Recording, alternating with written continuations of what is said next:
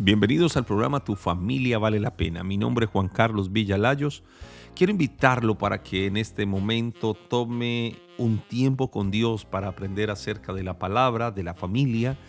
Y sé que estas palabras que le voy a dar son pertinentes para este momento y para esta hora.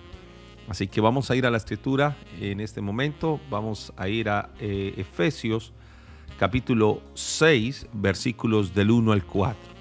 Efesios capítulo 6 del 1 al 4 y quiero comenzar hablando acerca de padres exitosos, hijos exitosos. Voy a repetir, padres exitosos, hijos exitosos. Tal vez algún padre de familia que me oye dice, yo quiero que mis hijos sean exitosos. Pues bien, tus hijos necesitan un padre que modele lo que tú quieres de ellos. Si bien la Biblia dice que ellos son como saetas en manos de valiente, irán más allá de lo que hemos sido. Si eres la plataforma que Dios ha puesto para que tus hijos puedan levantarse, para que ellos puedan tomar desde donde ha recorrido y avanzar mucho más de lo que esperabas. La Biblia dice, hijos, obedecer al Señor, a vuestros pa en el Señor a vuestros padres, porque esto es justo.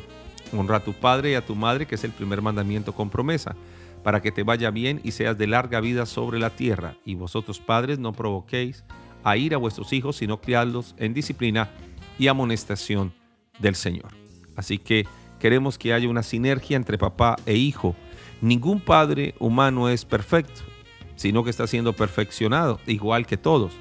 Pero con la guía del Espíritu Santo y de la palabra y de, y de líderes o mentores, cualquier hombre puede convertirse en un padre exitoso que guía a sus hijos en las siguientes áreas. La primera área en la cual ah, le recomiendo que guíe a sus hijos en la parte espiritual. Sus hijos necesitan de un modelo espiritual no religioso, sino relacional. Porque el religioso está más, ah, está más inclinado a qué cosas tengo que dejar de hacer o qué cosas tengo que cumplir. Mientras que el espiritual está más relacionado con lo que debo de vivir. La Biblia está más relacionado con lo que tengo que eh, modelar, con lo que tengo que eh, ser sincero, no apariencias. Así que ayude a sus hijos a confiar en Cristo lo antes posible. Y crecerán convencidos de que Él debe de estar en el centro de todo lo que hagan. Vuelva a sus hijos espirituales, no religiosos. El religioso pone cargas en otros que Él ni siquiera puede llevar. El religioso tiene una lengua muy larga. El religioso mira lo físico, las apariencias. El espiritual mira el corazón. El religioso cataloga la iglesia o la estratifica de acuerdo a recursos. El espiritual mira a todos a través del amor de Dios. Lo otro es, ah, si quieres ser un padre exitoso para tener hijos exitosos, tienes que trabajar los principios. En un mundo que defiende tantas posturas e ideologías, es hora de defender principios. En los hogares donde abunda la honestidad y la pureza y la lealtad, los niños aprenden a valorar la integridad y a escuchar su conciencia Tercero, enséñale a sus hijos las relaciones interpersonales.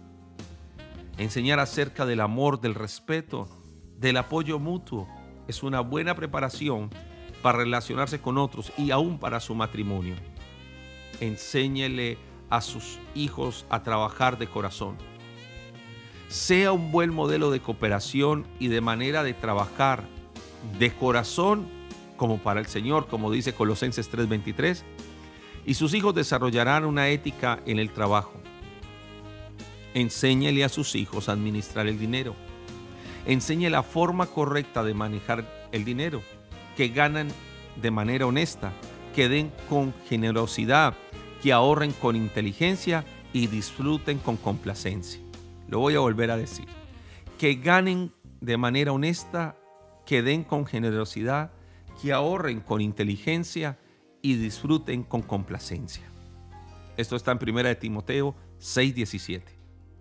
Enséñele a sus hijos lo que es autoridad. A menos de que los niños aprendan cómo comportarse bajo la autoridad de sus padres, la escuela, la iglesia y el gobierno, si esto no sucede se volverán rebeldes.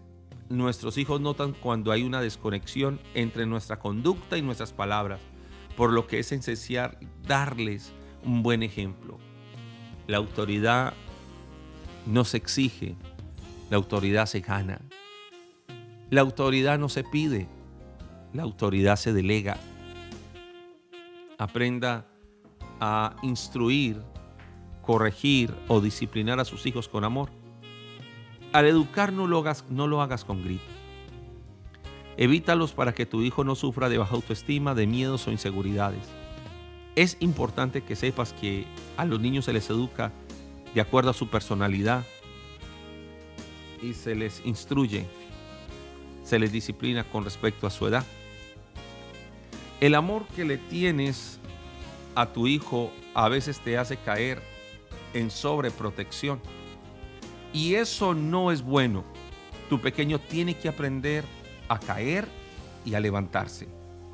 Está bien que en los primeros años necesitará de tu apoyo para hacerlo, pero a medida que crece tendrá que, tendrá que aprenderlo, a caer y levantarse.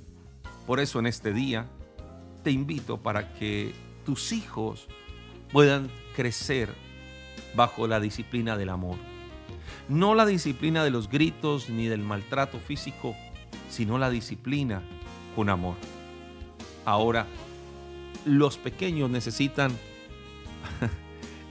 tus hijos necesitan aprender y aprenderán raspándose los codos, las rodillas.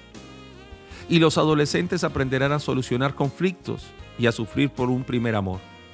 Este tipo de experiencias los harán madurar y desarrollar, desarrollar estabilidad emocional. Lo necesitan. Enseña a tus hijos a ser responsables. Enséñale lo que es la disciplina positiva. Esto tiene que ver con aprender a hacer tareas domésticas, dar valor al trabajo y al dinero, así como cuidar animales o cosas materiales.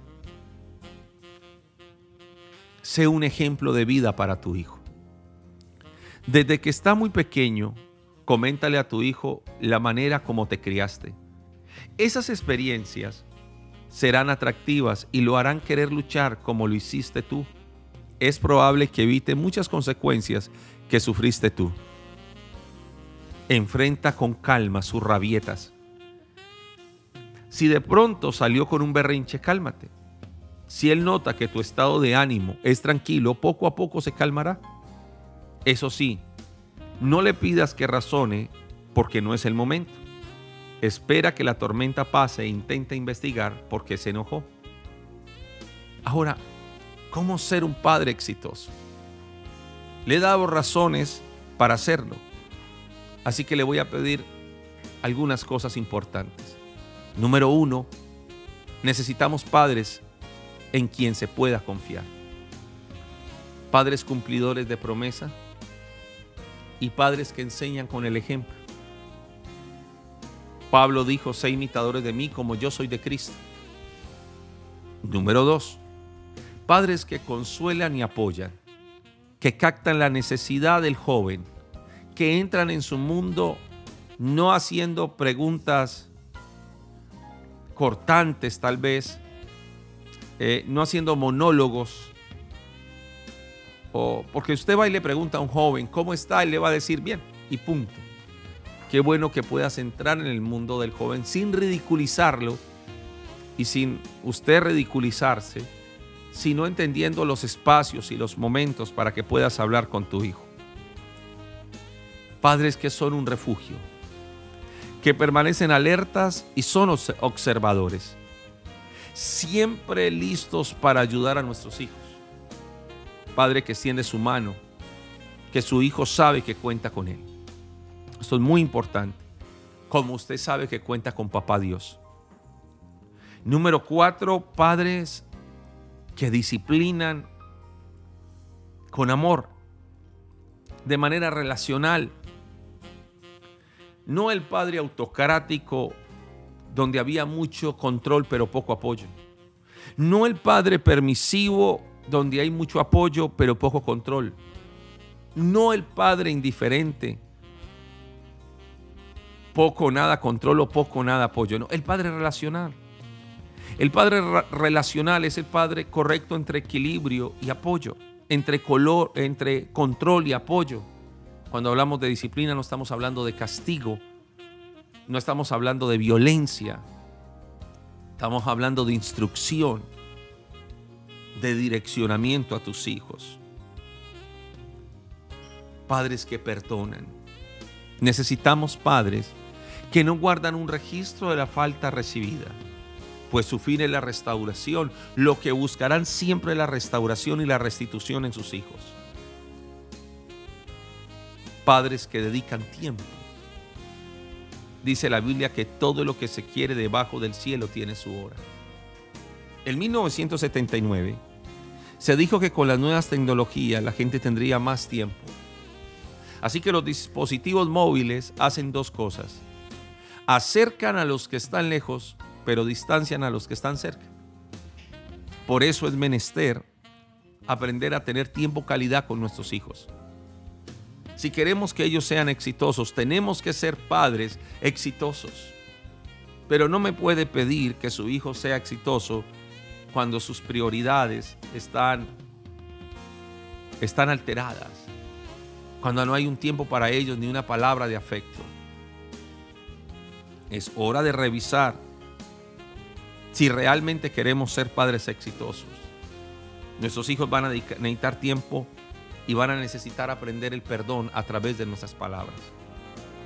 Hay padres con tantos rencores que, se, que esos rencores los disfrazan con ira, con odio, con pleitos, y quien paga los platos rotos terminan siendo sus hijos, porque luego usted se siente terriblemente culpable por lo que hace con sus hijos. Por eso en este día te invito a que reflexiones, a que revises tu corazón. Te hago una pregunta, ¿cómo te ha ido como padre? Te hago esa pregunta, ¿cómo te ha ido como padre? ¿Sabes para qué estamos aquí? Para ayudarte para eso estamos aquí. Para instruirte a la luz de la palabra. Y que puedas crecer en el conocimiento de Dios y de sus principios y de sus valores, aún de cómo llevar un hogar en Cristo, en familia, en familia de Dios. Yo quiero que seas un padre exitoso porque quiero ver a tus hijos exitosos. Pero qué difícil es ver un hijo exitoso cuando tiene tanto rencor contra su padre. Qué bueno que tu hijo esté sano. Te voy a invitar para que le hagas una pregunta, para que le hagas una pregunta a, a tu hijo. Dile, hijo, hija, ¿quién es la persona que más daño te ha hecho? Algunos llegan a decir papá, otros llegan a decir mamá. Y ahí es donde necesitamos replantear el trabajo que como padres hacemos. Y poder traer sanidad a ese hijo, a esa hija, y ayudarle a enfrentar el mundo de manera diferente. Pero lo primero, o lo que te pediría más bien, más que primero te pediría hoy, es que puedas tener una conversación de calidad con tus hijos sin recriminarlo y hazle la pregunta, quién es la persona que más daño te ha hecho. Te sorprenderás con sus respuestas. Oremos al Señor. Padre, te damos gracias. Gracias porque queremos ser padres exitosos. Y yo quiero ser como tú porque mis hijos quieren ser como yo. Y te pido, Señor, que te glorifiques en nuestra vida. Nos sanes y nos restaures. En el poderoso nombre de Jesús. Ayúdanos a sanar el corazón de nuestros hijos. Amén.